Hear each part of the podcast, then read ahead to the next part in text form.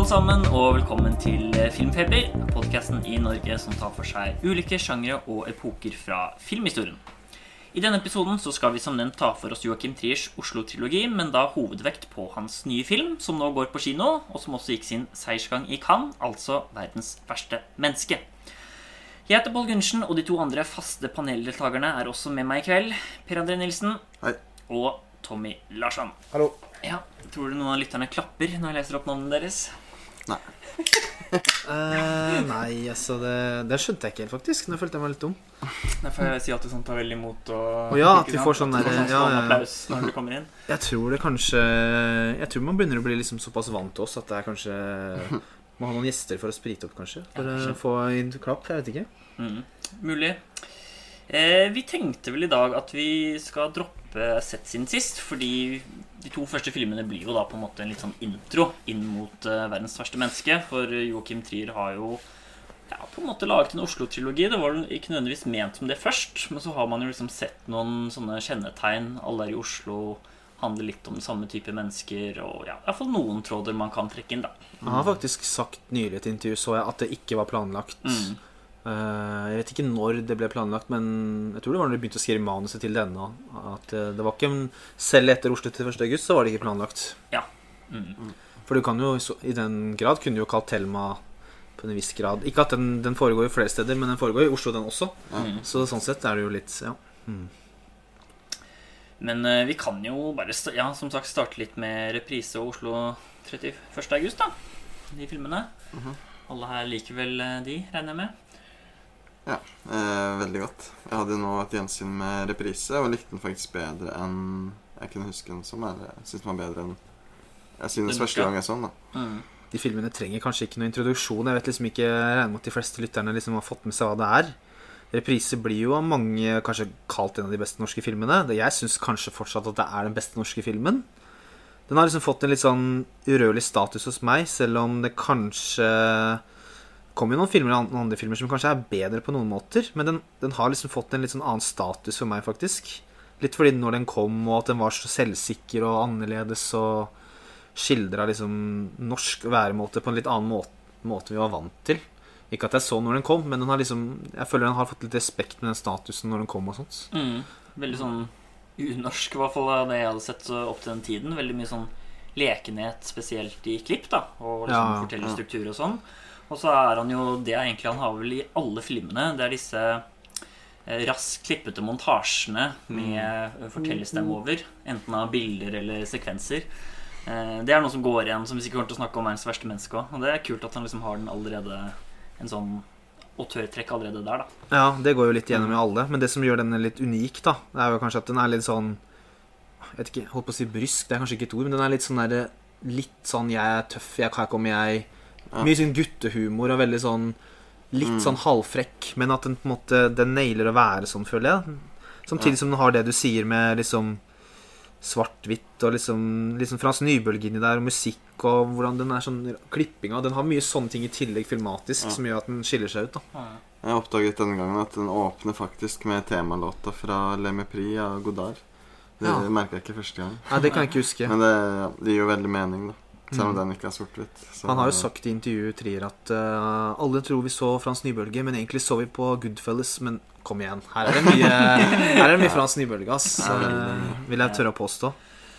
Og så begynner han jo også her også med de liksom, liksom eksistensielle tingene og litt sårhet. Selv om jeg nå, som jeg har sett alle i hvert fall liksom relativt nylig, så vil jeg jo si at det er den minst triste da, av de tre. vil jeg si. Selv om Ja. den også har ting av det, så føler jeg på en måte har stort sett godt humør gjennom hele filmen, selv om det er triste ting den har. da. Det er i Mm. min følelse. Ja, den er jo egentlig ganske munter og morsom. Jeg Ja. ler jo veldig mye. Det er jo et alvor som med de andre, men det er Mm. mindre alvor kanskje enn i de andre. Ja, det Spørs litt med den Ja. helt nyeste, da. Men uh, den har jo noe alvor, den nå. Mm.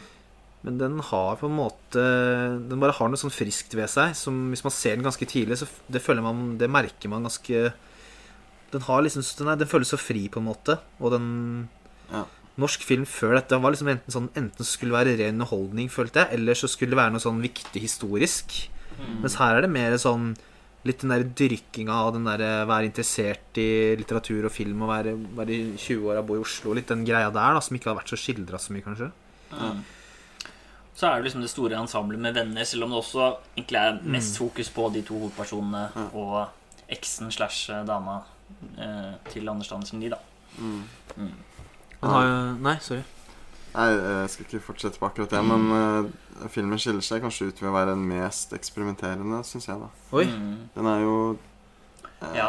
Han tar jo på en måte Ganske veldig på mye sjanser. men jeg skjønner hva du mener. Som tar veldig mye sjanser, og bare måten filmen er strukturert At den er ikke helt Den er jo Ting går jo kronologisk, men samtidig så hopper den utrolig mye frem og tilbake, og det er veldig Det jeg var mest imponert over, var liksom hvordan man til enhver tid forstår hvor og når man er i historien, selv om Ja, det egentlig er ganske kaotisk, da. Mye flashbacks og også da stillbilder med fortellerstemme som skal fortelle ting. Og så hopper de rett tilbake igjen for å vise Mm. hvordan det hadde påvirket tidligere. og sånn da han, Og- eh, han som ble mobbet som barn og mye sånne Ja, ting. Det er mye sånn digresjoner hele tiden som går i en avstikker med fortellerstemme og sånn. Mm. Og litt sånn drømmesekvenser, på en måte, hvor den forestiller seg hvordan fremtiden skal bli. Ja. Så bruker den nesten fem-ti minutter på det, og så er det som sagt bare en forestilling Mm. Ja. en av Han ender opp i det derre fotoet med noen japanere, eller hva det er. Ja, ja, Ganske sånn der, Hva er det hva- Veldig tilfeldig. Ja, litt sånn derre Og så er det jo kanskje den eneste norske filmen som tør å ha litt sånn hat mot 17. mai. Det er liksom eh, Åpner med liksom Joy Division-låt, mens de sier vi må komme oss ut av dette landet her. Så er snakk om å få nordmenn på nakken, på en måte. Starter, sånn, spyr og Ja. starter liksom filmen på en sånn herlig unorsk måte. Mm. Og så er den bare sånn dritbra skrevet, og jeg liker den voiceoveren, og liksom skuespilleren er dritbra. Det er liksom ikke så mye Det er liksom Det er så digg at den filmen fins, fordi det, er, det har, må være ærlig å si at det har vært veldig blodfattig før Trier kom på banen. Ja. Det har jo vært mye bra, men sånn Han er et nivå over, Ikke på den typen, i hvert fall. da Nei. mm. Ja, kanskje vi skal gå videre til uh, Nå ble det veldig sånn da? Vi tar den, vi tar den. Det ble det. Det var ikke det vi ikke skulle gjøre, men Nei. vi snakket så mye om det uten å ta Oslo 31. august, så uh, Men de er liksom så forskjellige, da. Ja. Ja. Eh, og 31. august er jo da basert på egentlig to ting ettersom. Det er enten filmen Fire Within fra 63, hvor det en alkoholiker istedenfor narkoman. Louis bok- er det det? Ja, og så det- eller så er det en bok fra 31 som heter Will of the Wisp, som også Ja. er ganske sånn lik, da. Eh, og det er fortsatt nok min favoritt. Fortsatt. Det er det, ja? Eh, ja, fortsatt. Ja. Selv om den eh, ikke er like leken som de andre, så er det bare Den er treffer meg så dypt, egentlig. Så det egentlig det. Den er så jævlig depressiv. Det er sånn Jeg vil si at den nesten er sånn blant de tristeste filmene jeg har sett, egentlig. Sånn opp med sånn Grey of the Fireflies, og den er helt sånn ekstrem Ja. og røskende. Og det er det jeg føler at gjør den så bra, da, at den klarer å få fram så sterke ting at den på en måte ikke trenger å lene seg like mye på det filmatiske. Selv om den selvfølgelig også ser dritbra ja. ut, så er den ikke like leken som de andre, føler jeg, da. selv de scenene som liksom skal være ikke De scenene som er morsomme, eller sånn her på fest, han gjør litt ting, selv de er bare sånn dynka av Dette går egentlig ikke bra. Mm. For Det er det som gjør den så liksom, tung, at jeg orker ikke å se den så ofte. Men jeg husker jeg ble veldig påvirka da jeg så den første gang. Det var jo akkurat da jeg flytta til Oslo og den kom ut. Mm. Jeg husker jeg var litt sånn her Å, fytti, dette var liksom Jeg syns faktisk det var litt sånn Shit, den var ganske tung, på en måte. Mm. Og, Det er ikke mye håp i den filmen. Jeg syns den på en måte blir bedre og bedre jo lenger man har bodd i Oslo. Jeg syns dette virkelig er Oslo-filmen, egentlig. Mm. Det er så mye vandring rundt i parker og utesteder. og Mm. Man kjenner seg igjen i veldig mange av stedene. Og til og med noen av situasjonene. Mm. Så, ja, du har jo vært inn på Frognerbadet her på natta, har du ikke? Ja. Sånn, Lytterne kan jo få vite det. Så hvis de vil vite hvor du er, så kan du bare sjekke der. Hver natt har en liten dukkert. Men det som gjør at den, bare for å koble litt med den andre filmen, da, som vi sa vi skal gjøre, men som vi ikke gjør, er at den har jo veldig mye av disse filmene med liksom monologene og sånn tankestrømninger og fortellerstemmegreiene. Det går igjen. Det er montasjen i starten og sånn også, hvor de viser alle disse klippene av byen og sånt. Det er mye og sånn arkivmateriale, sånn Mm. gamle klipp, mens det er mye sånn ting de savner med Oslo, husker Oslo, og så er det sånn Ja, det, den er veldig fint. Og han er en sånn tankerekke om sånn foreldrene sine eller noe sånt. Sånn der, Mm. Det er lenge siden jeg har sett den, men det er noe sånn Ja, ja. De lot meg gjøre det, ikke gjøre Ja. det, og de lærte meg Det er så utrolig sånn naturalistisk når han, måten han sier det på. Ja. Sjukt bra manus, syns jeg. Veldig fint, for det er jo det at han sier at det er ofte sånn fordom at alle som eh, blir narkomane, har hatt en helt forferdelig oppvekst. Og selvfølgelig skjer det òg, men han på en måte sa at liksom det var ikke det, det var mer at han liksom falt ut fra samfunnet og fikk seg ikke jobb og alle disse tingene her, da. Så det liksom kunne skjedd uavhengig av eh, barndom, da. Så syns jeg den er liksom skutt og filma på en litt annen måte enn den første. Den føles på en måte litt mer sånn Nå er det mulig jeg bommer helt, men den føles litt Jeg holdt på å si det ikke digital, men det er noe med, den er veldig mer statisk, tror jeg. Ja, jeg, jeg føler I den første filmen så er han veldig opptatt av at han lager film. Det er veldig mange filmatiske grep ja, og leksing og Mhm. sånn. Mens her er man mye mer eh, observerende, da. Mm. Følger- dvelende i lengre Litt. tagninger. Litt mer flue på veggen og Ja. litt mer sånn tagninger som skal få til å tenke, som holder litt, med at den er så leken og spretten og svart-hvitt og tang flashback hele tida og sånn. Mm. Jeg har ikke sett så mange filmer av det, men den filmen blir jo veldig ofte sammenlignet med ting av Dardem-brødrene. Ja, der er jeg ganske blank sjøl. Mm. Ja, jeg også. Ja, vi er jo tross alt bare en som har filmpodkast, så klart vi er blanke der. Ja. Ja. ja, men det er like, Den er liksom så annerledes fra den første, men uh, veldig bra. Jeg sier jo til start at priseren er, er favoritten, men den her er på, kan- på noen måte bedre òg. Det er liksom vanskelig, syns jeg. Men jeg orker ikke å se den så ofte, for den er så trist. ja. Jeg liker også at filmen foregår over veldig kort tid. Eller det aller dag. meste er ja, en Mm. dag og en natt eller sånn. Ja. Mm. Ja, det er overganger, men det skal liksom være rundt 31. august, da. Ja. Mm. Og ja, nei, det er vel ikke bare det der eksistensielle som blir veldig, treffer meg veldig hardt, da. Og det er jo- den så godt, Og det er jo gjennomgående i alle Mm. filmene hans. Absolutt, men sånn La- ekstra her, på en Ja. måte. Mm. Ja. Mm. Nei, da har vi kanskje en liten intro til eh, dagens eh, hovedfilm, som er 'Verdens verste menneske'. I said goodbye to me. I looked in the mirror, then I began to cry.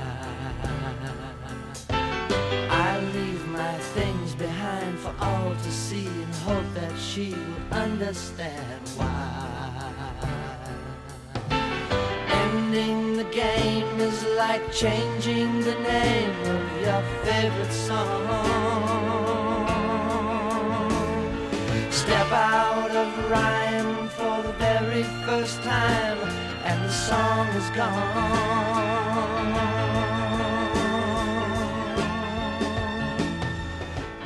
Nothing left to say. I'll pack up my memories, then I'll walk away. I hope I'm doing right, but by tonight the horse and coach will be on his way.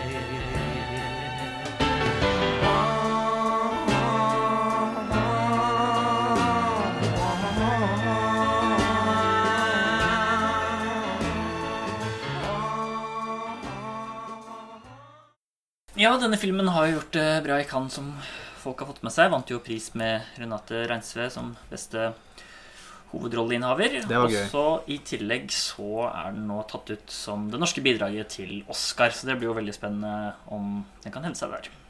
Du, et- virker som den kommer til å komme, faktisk. Det er den og det er, Nå er jo Titan valgt som Frankrike sin, og den, mener jo, den har jeg fått sett. Skal ikke si noe om det nå. Men Mange mener den er for sprø til å være med, men den er også en sånn vant til Gullpalmen, tross alt. Så skal ikke jeg spore helt av fra starten. Men det virker som det er en av de to filmene som kanskje kommer med. Men i hvert fall Det har vært en av de internasjonale filmene i år som har vært uh, mye prat om, da. Mm. Det er for så sinnssykt stort eh, kull, da. Liksom alle utenlandske filmer. Og så er det fem. Så Ja, det har konkurranse, men jeg er helt enig at det hadde vært utrolig kult hvis den hadde kommet videre. ja. Nei, jeg kan jo ta et lite plottsynopsis eh, Ja. for de som eh, ikke helt vet hva dette er for noe. Men det burde man jo vite nå, hvis man er norsk. Eh, Jeg så den jo dagen før vi spilte In Dune, bare så jeg har sagt, så det er lenge siden jeg har sett filmen. Det var på en liksom hemmelig premiere ettersom samboeren min eh, jobber her. Ja, Det, er ingen det er ingen som vet om den. Den er veldig, veldig. Så eh, jeg hadde jo lyst til å prate om den sist, når vi skulle prate om sandormer og sånn, men eh, nok om det. Eh, Julie, spilt av Renate Reinsve, er nesten 30 år. Litt sånn usikker på hvor hun skal havne i livet, og hva hun skal gjøre. I filmens prolog så hopper hun jo litt mellom forskjellige studieretninger og sånn. Eh, Vi blir raskt introdusert til henne, og hun starter i prologen et forhold til Aksel, spilt av Anders Danielsen Lie, som jo har hovedrollen i både reprise og Oslo 31. Og han er sånn tja, 10-12 år eldre, kanskje. Han sier han er starten av 40-åra. Ja, 44, tror jeg. 44, ja. Ja, Ja. stemmer. Eh, Men eh, sakte, men sikkert, ganske tidlig blir hun også interessert i Eivind, spilt av Herbert Nordrum, uh, som er mer på hennes alder. Så det er jo på en måte egentlig et ganske klassisk ikke trekantdrama, men kjærlighetshistorie. Og jeg har skrevet 'Notting Hill på Sankthanshaugen'. Eh, og det er jo Det var sånn Man kan jo le litt av det, men eh, han, har, ja, han har jo faktisk selv hevd, sagt i intervjuet nå trier siste måneden at eh, 'Notting Hill' Jeg skal ikke kimse av den. Så, men den, har jo, den er jo kanskje litt rikere enn den på Nei, nå skal jeg ikke kunne trashe den, men eh, rar sammenligning uansett. Men eh, det er jo i hvert fall utgangspunktet for filmen. Hva syns dere Skal vi ta litt sånn der eh, kjapt Hva syns vi egentlig om filmen, bare sånn før vi går dypere inn i ting?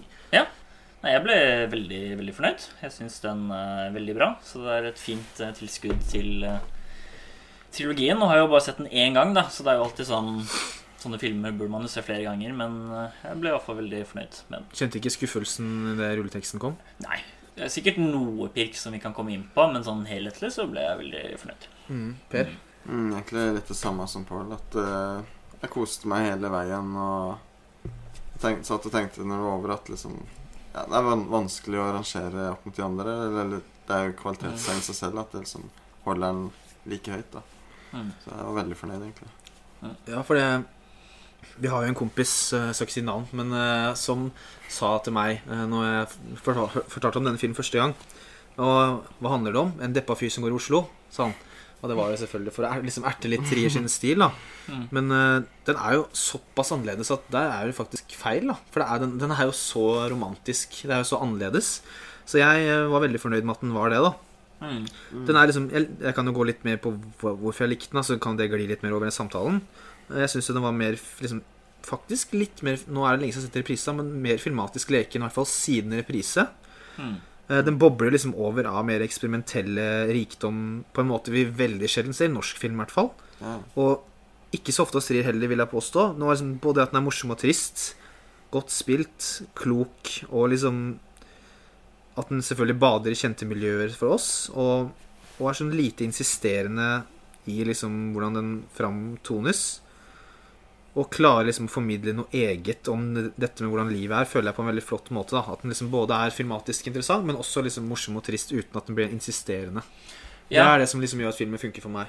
jeg føler at Julie kanskje mer møter på triste ting enn at hun på en måte selv opplever den eksistensielle tristheten, kanskje som i de to andre filmene. da Og at det som kanskje gjør at den blir litt lettere Mm. før på slutten etter hvert. da Jeg vet ikke om vi kanskje allerede skal si kan at det blir si spoiler og sånn, men Man det blir jo må- veldig trist etter hvert. da Ja, Mm. man kan jo si vi kan, Jeg vet ikke om vi skal si spoiler alert, eller hva vi gjør.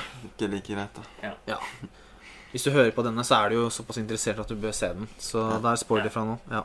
Eh, Jeg tenkte jo litt faktisk at dette er nok den filmen Han har jo sagt at han er veldig inspirert av ham før, men kanskje den filmen som minner mest om Woody Allen, egentlig. Jeg Sånn at det var veldig sånn koselig, romantisk, utroskap, og det der at litt fantasifulle ting skjer som bryter den tredje Mm. veggen, eller hva man skal Det kan si. gjerne si. Og veldig mye jazzmusikk i bakgrunnen. Ja. det har han ikke brukt før. Nei, Det var veldig sånn Woody Allen-esk, følte jeg. Han var kanskje mer inspirert av Woody enn Jeg han syns tidligere. starten var veldig Woody Allen. Tenkte Ja. på det. Så glemte jeg det kanskje litt underveis, men Prologen, var hvor hun Ja, Når han flytter inn til han og det er jazz og Ja. snakker om masse sånne kulturelle ting og sånn. mm. Og så syns jeg også egentlig at alle tre hovedpersonene spiller veldig bra. Eh, som det har vært veldig mye snakk om Renate Reinsve, hun er dritflink. Men jeg syns også eh, de to andre også spilte veldig bra. da en Særlig Anders. Danielsen Lie, da. Han Ja, syns ja. jeg nesten er like bra som henne, egentlig. Eller kanskje li han er like bra. Ja, syns jo det. Eh, Særlig eh, liksom en av, Ikke for å hoppe liksom for langt fram, men en av de siste scenene hvor han er Hvor han liksom er veldig lei seg, men uten at det blir sånn der eh, hulking, da. Ja. Hvor han liksom tror veldig på det han sier. Han er veldig flink skuespiller. Men også Herbert òg, for det er også veldig sånn typisk at den ja, med. For det er ofte typisk at den rollen er ofte en sånn uh, douchebag badboy som kommer og stjeler, men han er jo egentlig en sånn skikkelig koselig fyr. da Det er liksom det morsomt castet at liksom at at han stjeler Novo bare på å være en skikkelig fin, eh, blid fyr. da Så jeg Mm. likte han veldig godt. Og Jeg syns også han er den kuleste sånn eh, montasjen i seg, den eh, triermontasjen jeg liksom snakket om tidligere. Hvor du snakker om alt med sånn global oppvarming og dama som blir sånn ursam. Og det var kanskje den scenen jeg lo mest av. Den var utrolig kul. Da har du litt av den der repriselekenheten igjen, da. Vi kan kanskje ta litt om de filmatiske tingene, for du begynte jo på det nå. For det er jo Det var det jeg mente med at jeg syns den er, i hvert fall i likhet med reprise, en av de mest filmatiske. For det er så mye sånt, da, som du sier med at Eivind, som Renate møter, forteller om en Sunniva, som det heter. Mm. Og hvordan hun, når de var på en reise i Finnmark, og hun møtte på eh, reinsdyr, eller er det hjortedyr? Reinsdyr, tror jeg. Hvor det da plutselig kommer denne morsomme montasjen med hennes Mm. indre reise, og hun fant ut at hun var 3 samisk. Og så er det så Og da liksom løper filmspråket fort. Det er nesten litt sånn uten estetikken. Det er litt sånn West-aktig. Hvor vi skal ha en Mm. sånn West Anderson, hvor vi skal ha en sånn liten historie hvor vi skal fort se hva som skjedde her og her og her.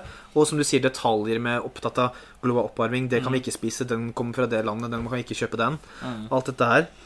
Og liksom, der er liksom manuset skarpt uten at det blir sånn det, ble, det er så langt ifra sånn politisk og påtrengende 'dette skal du tenke'. Det er liksom bare mors ment på en, heller på en morsom måte. Mm. Og det er liksom fint at det ikke er sånn det er ikke, Filmen har ikke politisk poeng. Det er mer viser samtiden, kanskje. At det er mye sånne ting som er Ja, det er en veldig god skildring Ja. av samtiden, for det er jo veldig inn nå. Du er jo Mm. nesten litt utafor hvis du ikke bryr deg om det nå. mm. Så I er hvert fall her i, her i gryta, si. I, som, i Ring 1. Ring 2. Ja. Så det er jo Og det er jo flere filmatiske ting. Jeg vet ikke om vi kan jo rusle litt gjennom det. Det Ja, er vi kan ta jo de litt, egentlig. det er for det, Hvis vi går litt sånn titter bakover, så er det jo dette med tolv kapitler. Det er jo en ting. Ja. Eh, liksom prolog, epilog og Det står først hva som skal skje. Litt sånn Barry Linton, egentlig. Så det er en ting som skal skje. det er- Nå blir det en dårlig jul og sånne ting. Og i kraft av at det er tolv kapitler, så noen er lange, noen er korte. Og Ja, liksom noen... det husker jeg De første var veldig lange, så jeg var sånn Shit, skal den få Ja. vare i fire timer? Og så plutselig kommer det et kapittel som er sånn under fem minutter, nesten. Så det kommer ah, et. Plutselig kommer et kapittel om at du skriver blogginnlegg om oralsex, og det er liksom tre-fire minutter bare. Og det var liksom sånn ah, Ok, det er litt morsomt at noen er veldig korte, noen er lange, og Og det, det bringer meg egentlig mer inn på humoren igjen, da. Det er kanskje har ikke vært så mye humor heller før som det er her, eller? Er det bare meg? Ja. Kleine stillhet med faren når hun har skrevet eh, om moralsex på bloggen. Og, eller ikke på bloggen, men det har blitt publisert, da. Og han, har du lest det? Og bestemora og liksom, Den humoren der er liksom Ja, den kleinheten var kanskje ny, ja. Også, også mye kåtskap, egentlig, å følge. Han har aldri snakket så mye sånn pikk og vagina. Og det var ganske mye av det både i sånn tegneserie, blogginnlegg, mye prat rundt sex. Kanskje fordi det er mer fokus på romantikk da enn før. ja. Så det er også litt sånn ny, som jeg ikke har sett så mye av, egentlig. Til Sånn, og med prompehumor, faktisk. Ja. Nå ble det no, Ja, nå Det er et veldig godt poeng. Det er jo en veldig fin scene når Nå blir det mye hopping, da, men det får bare bli sånn når eh, Renate Det som skjer Vi er jo i full spoilerverden. Det som skjer, er jo at en av disse første festene oppe på Ekeberg der, når Anders Danielsen Lee sin karakter har en sånn publisering av den der Bobcat, den der perverse tegneseriekatten, Mm. Så rusler hun nedover Ekeberg, rett forbi her nesten her vi sitter nå. Ikke for å avspor, si, avsløre hvor vi sitter. Er Og så eh, kommer hun der, bare går hun inn på en fest som ikke kjenner noen. Det syns jeg det er ganske morsomt og unorsk. Og Mm. liksom Det er jo nesten ingen som gjør det. Med mindre vi, vi lever i veldig kjedelige miljøer. Ja, og begynner å kødde med en sånn dame og si at uh, Hva var det det med barna Ja, født, du kan ikke kose med barnet. For, da får de traumer, eller noe sånt. Det øker til sjansen for at du blir narkoman. Ja. Ja, narkoman for mye med ja, Ja, for mye med barnet. Sier at hun er lege og bruker litt Ja. sånn fagspråk og Ja. Sett den, den ut.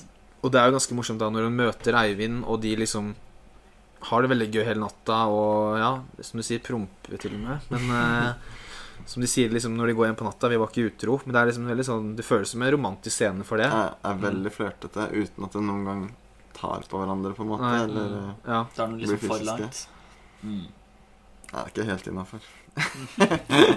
Altså, Jeg bare må ta, hvis det er greit, liksom litt flere filmatiske ting som jeg liksom Mm. føler må ja, nevnes. som egentlig begynte på, så vi kan ikke Ja. fortsette med det. For eksempel litt seinere i filmen, da, for å ta det litt kronologisk også, så er det jo dette med at hun eh, Tida går jo, hun er hjemme litt hos Aksel, og de bor jo sammen, men så er det jo som om det liksom Dette er kanskje etter hun har møtt han på Nordli og sånn, så han Eivind, så er det denne scenen hvor hun plutselig løper ned til bakeriet han jobber, og all tiden står stille, alle står Mm. stille mens hun løper ned. Mm. Det er også veldig sånn Og det varer en stund. Det er ganske Ja, det- mange steder hun løper. Den scenen er lang og opplever en hel dag med han andre Ja. som ikke skjer. Ikke bare løpetur, men opp på Sankthanshaugen etterpå. Ja. og sånn Så det er veldig Det velger jo liksom til å være veldig Det er det også jeg mente med at den er mer filmat, eller sånn eksperimentell òg. At den liksom Det varer så lenge at dette skal du virkelig få med deg, da. når tida står stille. Det, han gjør det på en annen visuell måte enn i reprise, men det er på en måte eller, Men han returnerer jo til noe han har gjort før. da Det er jo, som jeg sa i første film, så forestiller seg hva som skjer hvis han selger så og så mange bøker, og hvor,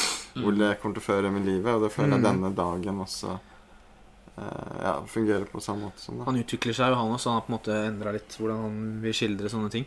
Ja, det tror jeg kanskje er favorittscenen min i filmen. Og det må jo være noe av det mest imponerende som er laget i norsk film, tror jeg. Sånn Hvor mye jobb det må være med at alle er så frist, og så mange steder jeg, lurer på hvor mye Og... trickery det er i Det denne må jo ha vært ganske komplisert, tror jeg. egentlig. Løper jo midt over liksom, ved opera Ja, nett i operaen og Og- først forbi Ja. folk i parker og oppe rundt omkring i Oslo. Ja. Mm. Jeg lurer på kult laget. Tror det er mye sånn plansjer, egentlig. Eller er alt ekte folk? Tenker bakgrunnen sånn kan jo ganske være ekte plakater ut, som men bare er satt eh, opp. det er sikkert noe Ja. Det er teknisk, i hvert fall. Ja, det Det er ikke lett å vite hvordan de gjør det. Så den er jo veldig Det er sånn håper også som vanlige uh, kinogjengere får med seg dette her. At liksom mm. Det er kult, liksom. Mm. Det var en liten sekvens jeg likte veldig godt også, som minte meg litt om reprise. eh, bare for å fortsette litt på liksom, sånn filmatiske ting. Det er ganske mye av det. Det mye av Og det. det var den scenen hvor hun følger fyller 30, sitter med mora og bestemora. Og hun på en måte går litt opp at shit, jeg er blitt 30 år. Og kameraet zoomer som sakte inn på et bilde av moren, og hans voiceover begynner å fortelle. Når moren, Ja. var, når moren var 30, hadde hun gjort det og det. Mm. Så går, vi, går kameraet videre, og det er hele slekta. Bestemor, oldemor, Ja. tippoldemor. Og vi går vel helt tilbake til sånn 1600-tallet eller noe. Og sånn. Hun døde dritung før hun Og det blir bare verre og verre. Ja, Liksom, best, Oldemor var enke under 30, Blekket 30, og så liksom nesten sånn til å krybbe Ett barn, to barn, fem Ja. barn, ti barn. Så hun stoppa et eller annet at ja, i, på denne tida så ble kvinner 32 år. Liksom, ja. det var Det sånn. syns jeg minte litt om reprise. på en måte Mm. Ja, det var kanskje det som minte nesten aller mest. i hvert fall Og det de syns jeg var veldig morsomt at sånn For det er ikke ofte du ser i norsk film. Jeg bare Altså. skyter med den helt sånn Ja. spontant. Ja. eh, Ja. Jeg liker veldig godt når han kjører sånn archive footage òg. Det er en del av det i Thelma òg. Når hun Mm. driver og forsker på liksom djeveldyrkelse Ja, og heksekunst, så er det en del sånn Jeg håper ikke powerpoint, men det er en del bilder som bare er i hele bildet. da Mm. Og det var det jo her med disse gamle bildene av forfedrene òg. Mm. Så det, det liker jeg når han gjør, for det er, det er ikke så ofte man ser sånn.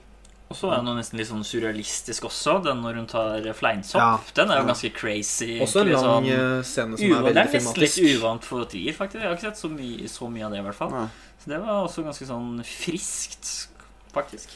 Ja, det er jo Den syretrippen er jo liksom formidla på en morsom måte, og vi får liksom inn Det er mye forskjellig. Faren hennes liksom greier problemer med det, og liksom på slutten dukker jo Anders Sandnes Lise karakter opp med tegneseriefiguren sitter ved siden av. Ja.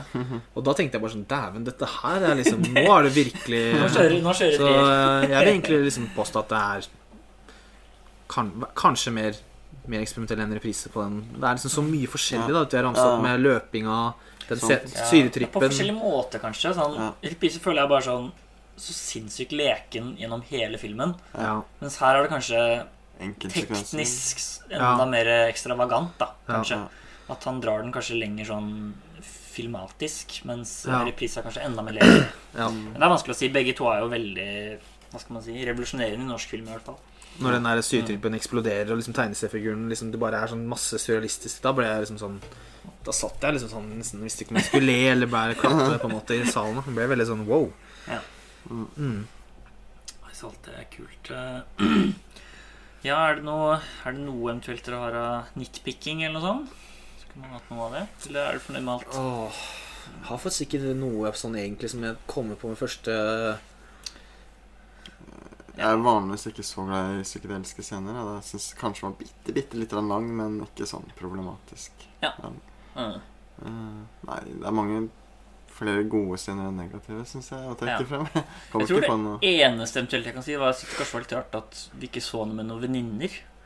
Men jeg tror Det det, kanskje var litt det følte jeg var et poeng i filmen, at hun har liksom bare guttevenner. da At det Ja, men var det ikke nesten alltid kjærester? Det var ikke sånn at ja, Hun har nesten ikke venner i det hele tatt. Ja. Nei, hun har nesten ikke venner i det hele tatt. Det var litt sånn der, Det er ikke det at det er noe galt, men det var kanskje litt unaturlig å tenke på hvor sykt sosial hun er, kanskje. Jeg vet ikke. Og så er det også ofte ganske viktig, føler jeg, de andre filmene hans òg. ja.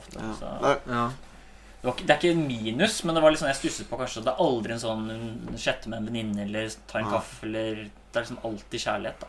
Ja, og det var kanskje en, en annen ting da som jeg tenkte på der og da. Holdt jeg på å glemme det, egentlig.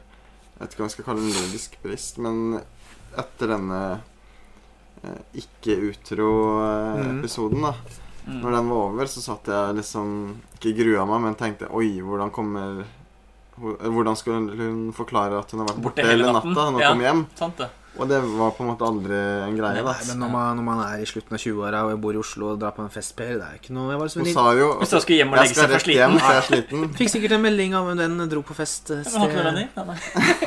Nei, den, den synes, det tenkte jeg ikke så mye på. Han, er jo, han vet at hun er 15 år yngre, og hun gjør som hun vil. Og han, de stoler på hverandre, tenkte jeg da. Ja, det blir jo liksom pirking, men eh, ja. Jeg satt jo liksom og venta på den scenen. Også. Mm.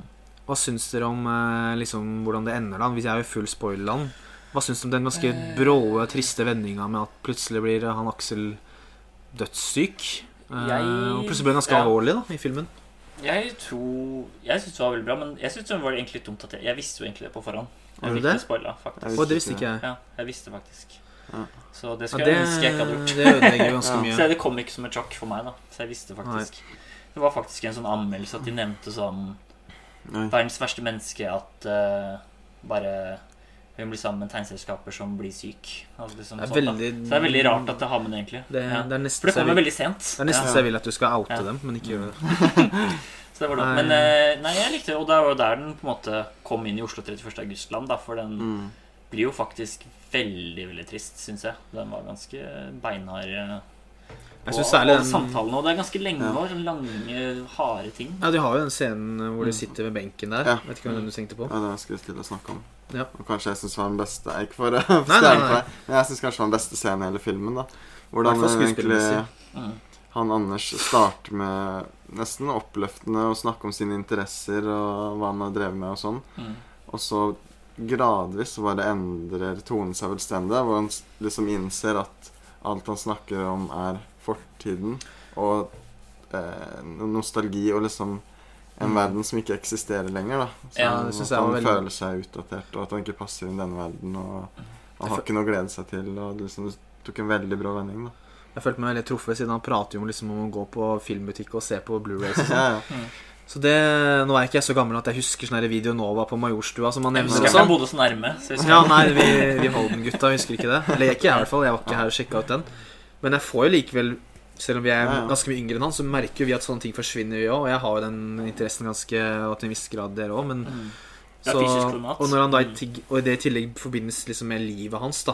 Fordi Mm. han sier jo 'jeg har ikke noe forover', tror jeg han sier i filmen. Mm. Og det er veldig sånn ekkelt, på en måte. da Og det, ja, det spiller dritten ut av den filmen i den scenen der. Altså, det er da jeg tenkte at han Han er like god som henne, egentlig. Ja, ja. Han, At han burde i hvert fall ikke være i skyggen. Sånn, han burde komme like mye opp at her er det liksom to dritbra. Eller tre. Jeg liker veldig godt uh, Ja, Herbert skal også. ikke være snill Men, som eh, Herbert. Men eh, ja, det var sånn- utrolig bra. det var bra. Og så etterpå så har han den lille hvor han bryter litt. da Hvor han sier sånn han gjerne ville på en måte bytte bort alt det, være udødelig og alle tingene, for at han ikke skal være syk og fortsatt være kjæreste med henne. da Ja, eh, Den er veldig vond, den. Den er vond, men den er ikke sånn hylgråting og sier, overspilling eh, karikert. da Den er veldig bra spilt. Han sier vel at du var forresten du var den beste jeg hadde, eller noe sånt.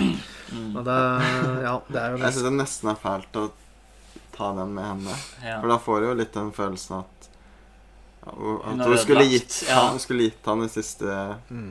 Eller hun kunne gitt han en bedre slutt på livet, på en måte. Eller at han var ulykkelig siste året sitt, eller halvår, eller hvor lenge. Men, plut men plutselig så hopper vi jo litt i tiden, og vi har en epilog, og det viser seg at hun er alene likevel. Og vi får se helt siste sekund at Herbert har jo fått barn med en annen dame.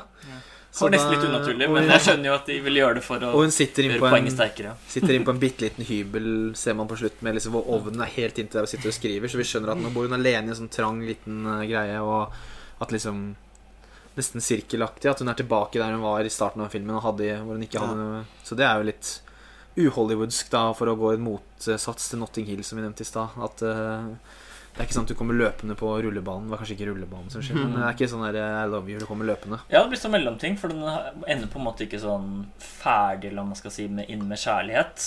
Men den slutter heller ikke med at eh, Anders dør, sånn som i 31. august. da At eh, den har på, litt lysere, på en måte. Han Kanskje. dør, han dør i to og tre. Ja, Samtidig så Spoiler fortsatt 1. august. ja. Så den er liksom Jeg syns den er litt lysere, selv om det ikke er noe happy ending, da. Nei, en For hun tar jo på en måte ikke noe lærdom av alt hun opplever i filmen. Nei. Hun er jo verdens verste menneske. Ja. For eh, ja, hun er jo fortsatt like vinglete. Nå Mm. handler det ikke om studier, nå handler det om andre ting. Men hun klarer jo fortsatt ikke å liksom slå seg til ro eller eh, Mm, så kanskje det er mer det for å portrettere den alderen, da, at det er vanskelig å finne sin plass. At før i tiden så gjorde man sånt mye tidligere, mens nå bruker man bare lengre og lengre tid, kanskje. Ja, for det er jo overførbart til spirologen, hvor hun bruker lang tid på å finne ut hva hun skal studere, hva hun skal Mm. jobbe med. Og epilogen jobber med noe helt annet enn hun har holdt på med gjennom filmen. Ja. Og nå har jeg faktisk gjort ekstra god research, for jeg så intervjuet med henne på Lindmo. Ja. Eh, For hun, var- jeg så det bare på liksom, jeg bladde rundt på TV på Ja. NRK på NRK-appen at hun hadde vært der. Så tenkte jeg da sjekker jeg ut det segmentet der. Ja, Og der sier hun faktisk det at på intervjuet da, som seg selv, men at liksom, det er et problem at vi har for mye valg mm, i Det er faktisk et Det er et ilandsproblem, men det er likevel et problem. Mm. At vi liksom vi, har, vi, vi, vi er 30 år, og vi kan fortsatt hende at vi ikke vet hva vi skal drive med omtrent. Mm. Så det, det føler jeg at filmen får fram, og det er jo Hvorfor ikke skildre det, på en måte? Mm. Det er interessant, for det er nesten motsatt av reprise, på en måte. Hvor de er 2-23 eller sånn. Og er Veldig bestemte på Mm. at vi skal bli forfattere Mhm, uansett hva. Mm. Ja. Og så 31. august får han føle at han har mista alle muligheter og Ja. ser ikke noe håp til å begynne på nytt. Så Ja. det er på en måte litt av det samme, men de, han klarer på en måte alltid å finne i hvert fall nyanser da, av Mm. de eksistensielle tingene til folk som er i 20-årene. da. Mm. Han fortsetter, han fortsetter i hvert fall å levere liksom, kvantesprang i norsk filmhistorisk kontekst, vil jeg si. Så det er Mm. utrolig gøy at han fortsatt holder på. Og så må vi jo kanskje Vi har jo helt glemt å nevne Eskil Vogt. Han er jo på manus på alle filmene. Han er jo Mm. Ja. selvfølgelig en stor del av det, han Stor del av òg. liksom, det å skape karakterer. Og Han har også da. kommet med en egen film som jeg ikke har sett ennå, men den burde jeg jo se. Den Altså. uskyldige. Ja, den gleder jeg Så meg til å se. det er jo ikke bare trier, trier, trier, men det er jo Så det er jo Ja, veldig bra samarbeid, liksom, det som, egentlig. De Ja. to, at de klarer å liksom ja, få disse rette snorene, men også, som dere sier, klare å skape nye ting da, i Mm. norsk film. Det er egentlig veldig, veldig spennende å følge med på. Og så liker jeg at han går tilbake til norsk, fordi jeg syns 'Louder Than Bombs' er den minst interessante. Ja, Jeg jeg likte bedre, godt. vel, jeg likte den veldig mye bedre på andre runder, faktisk. Ja. Ok, ja, da har jeg bare sett den én gang. Ja. Jeg syns Thelma kommer etter de, de tre. Vi snakka om også 'Louder Than Bombs' etter der, tror jeg. Så Ja. Laddermoss er i hvert fall den mest ulike òg, for da er det mer sånn familiekolerasjon Ja. på en måte, så Mm. den blir jo noe helt annet. jeg syns han han er best på norsk, altså. Det syns jeg. Så jeg begynte å skrive fra kvinnes perspektiv da, de siste to Ja, det er også Mm. spennende, egentlig. Faktisk. På tide at vi gutta blir representert snart. Lengter. Ja, nå Det er jo nok av de scenene òg. Sånn den radiosekvensen. Ja, Ja, det var litt reprise igjen, så samme når de snakker med hun damen på Bygdøy. stemmer det. Vi sitter Det er eh, sinte løp- løp- feminister som han krangler med. løper på tredemølla og bare Mm. What the fuck? Hva er det jeg ser på skjermen Ja, der? Har den ute av kontroll. Ja, ja. Det var ganske morsomt. Liten, lite kap kapittel av de tolv, det. Mm. Mm. Nei, da kan vi kanskje oppsummere med at eh, alle vi tre likte den eh, filmen godt. Så Mm. hvis det er noen som har hørt på all spoilingen og ikke sett den, så er det bare å løpe og se den. Da må du uh, henge de der to Men in Black og så skru av minnet. For Da, må du, da har du fått med for mye. Da har vi sagt, vi har sagt altfor mye. Da er det bare å ringe Will Smith. Mm. Will Smith. Ja. Ring, Will Smith. Ja. Det blir siste ord. Jeg skulle tro det. Jeg visste, jeg visste ikke engang for 30 sekunder siden at vi skulle nevne han, men eh, sånn ble det. Ja, og så ønsker vi han selvfølgelig Trier og Fukter masse lykke til med filmen fremover, da. Så det er eh, det for denne gang. Neste episode blir da en horrorspesial, så den er bare å glede seg til. Den kommer ut eh, ganske snart. Ja, litt, litt, vi har vært litt, eh, hatt litt mer pauser. Nå blir det litt mindre pause, kan vi love. Jeg tror vi kan love det. Ja, den Ja. kommer om ikke så altfor lenge. Ja. Så da ses vi igjen i neste episode. Ha det bra, alle sammen. Ha det godt.